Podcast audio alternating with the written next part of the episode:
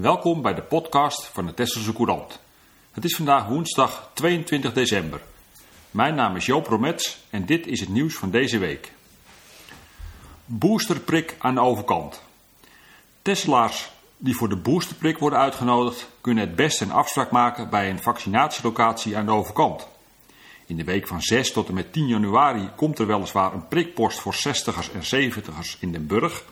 Maar het advies is om direct een afspraak te maken aan de overkant zodra het eigen geboortejaar aan de beurt is. De dichtbijzijnde post is in Den Helder. Tesla's van 60 jaar en jonger moeten sowieso naar de overkant voor een derde prik. Op het eiland klinkt een luide roep om het geplande prikken naar voren te halen, maar dat is volgens de GGD organisatorisch niet mogelijk. Wethouder Kooiman valt. Voor de tweede keer in zijn loopbaan als wethouder heeft Edo Kooiman voortijdig de aftocht moeten blazen. Tessels Belang diende vorige week in de raadsvergadering een motie van wantrouwen in tegen de eigen wethouder. Deze werd gesteund door 9 van de 14 raadsleden. VVD en Partij van de Arbeid steunden de motie niet. Henri Soyer van GroenLinks onthield zich van stemming. William Witte, fractievoorzitter van Tessels Belang, stelde in een toelichting op de motie dat de wethouder geen invoelingsvermogen met de gemeenschap toont. Ook is hij geen wethouder die dicht bij de burger staat en communiceert hij niet goed met de raad, volgens Tessels Belang.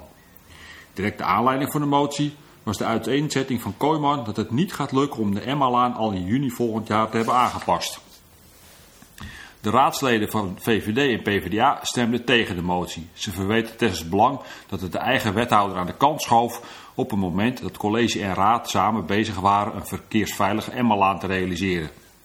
Volgens de partijen die de motie wel steunden was er sprake van een optelsom. Ook bij de herinrichting van de Kogelstraat, Zandijk en Hoofdweg gingen er zaken mis. De wethouder kreeg bovendien het verwijt geen grip te hebben op gemeentewerken, dat als een eiland in de gemeentelijke organisatie werd omschreven. Kooiman trad in 2013 ook al eens af, toen nog als wethouder voor Tessel 2010. De komende tijd moet blijken hoe zijn plek in het college tot aan de verkiezingen komend voorjaar wordt ingevuld. Groen licht voor Thijshuis.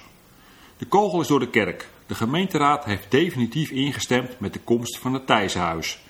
De raad stelt 8,5 miljoen euro beschikbaar voor de bouw van het cultuurcentrum. Alleen de VVD stemde tegen, vanwege de kosten. Het Thijshuis komt in Den Burg, op de plek waar nu nog de Thijse school staat. Het wordt het gezamenlijk onderkomen van Artex, Young Forever en de bibliotheek.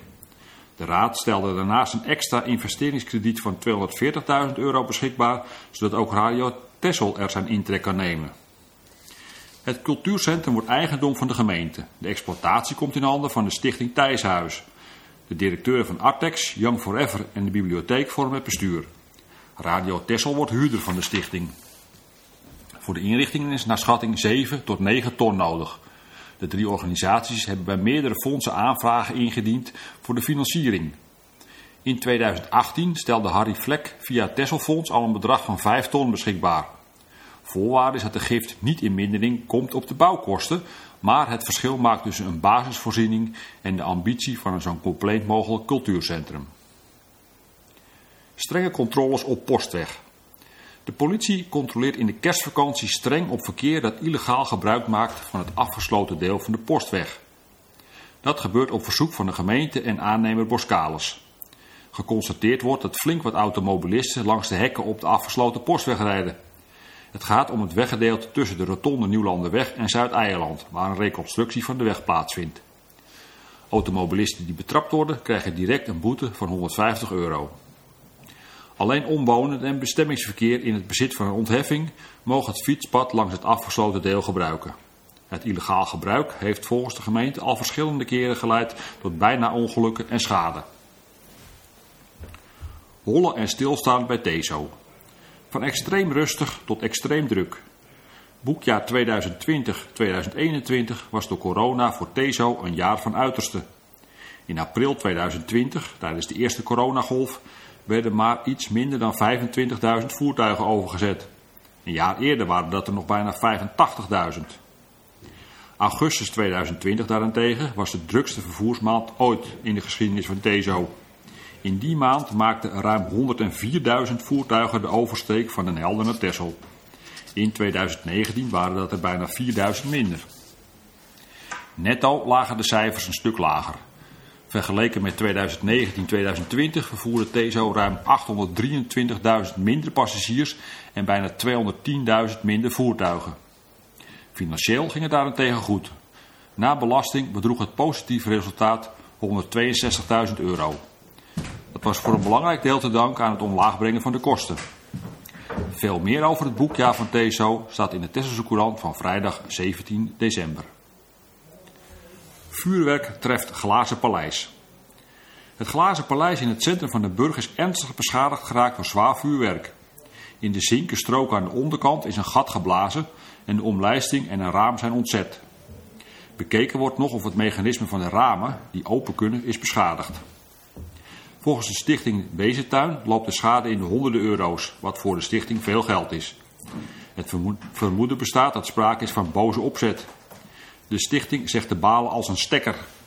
Het is een gebouw waar iedereen veel plezier aan beleeft en dan krijg je dit. OSG-rector kandidaat-commissaris bij TESO. Corrie Sets, rector-bestuurder van OSG de Hogeberg, staat bij de aandeelhoudersvergadering van TESO volgende maand kandidaat als commissaris. Als ze wordt gekozen, volgt de commissaris Jan Dogger op. Zijn termijn zit erop. De kandidatuur van Corrie Sets is uniek in de geschiedenis van de bootdienst. Het initiatief om haar kandidaat te stellen komt van de ondernemingsraad van TESO. Die heeft gebruik gemaakt van haar zogenoemd versterkt recht van aanbeveling. De ondernemingsraad heeft dit recht inmiddels 15 jaar, maar nog niet eerder gebruikt. De Raad van Commissarissen mag niet van deze aanbeveling afwijken, tenzij daar een heel goede reden voor bestaat. Dat is niet het geval, integendeel. Wij zijn juist zeer content met haar en hadden zelf geen betere keus kunnen maken, meldt president-commissaris Frank van den Broek. Volgens hem past SET uitstekend in de profielschets die de Raad van Commissarissen heeft opgesteld. Corrie heeft zich in korte tijd goed geprofileerd op Tessel. Ze is een goed bestuurder, zelfs geschoold in het vak en heeft aandacht voor de Tesselse gemeenschap, waar ze ook zelf volop in staat. Ze heeft goed kunnen duiden waarom ze thee zo belangrijk vindt voor Tessel. Corrie Zets is de enige kandidaat. De aandeelhouders kunnen wel stemmen, maar in dit geval dus alleen voor of tegen. De vergadering wordt gehouden op vrijdag 7 januari. Door de coronamaatregelen gebeurt dat online. Tweede klok voor Horende Kerk. De kerktoren van Den Horen heeft sinds afgelopen weekend zijn lang verwachte tweede klok. De nieuwe klok, die de naam Jacob heeft gekregen, kwam vrijdag naar het eiland en werd zaterdag in de klokkentoren gehezen. Naast de circa 600 jaar oude Mariaklok. De tweede klok werd gegoten bij klokkengieter Simon Laudi in het Groningse Finsterwolde. Het gieten zou vorig jaar al in het openbaar gebeuren op het dorpsplein in Den Horen, maar dat kon niet doorgaan als gevolg van de coronamaatregelen. Vrijdagmiddag was er een officieel moment in de kerk. Daarbij spraken diverse Tesselaars volgens traditie spreuken uit om Jacob een behouden bestaan te wensen. Dat waren Jacob Lap, de oudste, dorp, de oudste Jacob van het dorp, de vierjarige Jacob Duinker, de jongste Jacob, Kees Boon van de stichting Klok voor den Horen, dominee Anne Kooi en wethouder Remco van der Belt. Gewenst werd onder meer dat de klok minstens 500 jaar in de toren mag hangen en dat hij de eenheid in het dorp mag bevorderen. De vierjarige Jacob zong Vader Jacob bij de klok. De nieuwe klok wordt eigendom van de gemeente, die ook eigenaar is van de kerktoren. Zilver en brons voor Denise. Met twee podiumplaatsen heeft veldrijdster Denise Betsema haar tweede positie op de ranglijst van de Wereldbeker verstevigd. Ze moet alleen Lucinda Brand voor zich duiden, dulden. Denise werd zaterdag derde bij de wereldbekerwedstrijd in het Brabantse Rukven. Zondag pakte ze het zilver in het Waalse Namen. In de week tussen kerst en jaarwisseling staan de volgende wedstrijden op het programma. Kerstconcert thuis te beluisteren. Zangeres Laurie Brons en pianiste Elisabeth Waverijn geven vrijdag 24 december een kerstconcert in het Hoornde Kerkje. Publiek is door de coronamaatregelen niet welkom, maar het optreden is dankzij een livestream wel thuis te beluisteren. Het belooft een verrassend concert te worden, met enkele gastoptredens en meerstemmige samenzang. Publiek kan thuis meezingen met klassiekers als White Christmas en Stille Nacht. Het concert begint vrijdagmiddag om 3 uur en wordt uitgezonden via de website www.kerkdienstgemist.nl.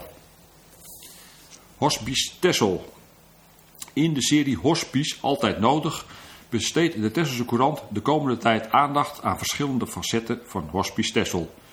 In het hospice wordt, worden in een huiselijke sfeer mensen verpleegd die in hun laatste levensfase zijn aanbeland. In de eerste aflevering, in de krant van vrijdag 17 december, komt coördinator Lonneke Legiers aan het woord. Sterven is hier een vanzelfsprekend onderdeel van het leven, vertelt Lonneke.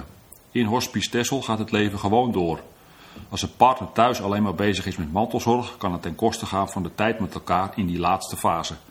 Daarom is het hospice in mijn ogen zo belangrijk.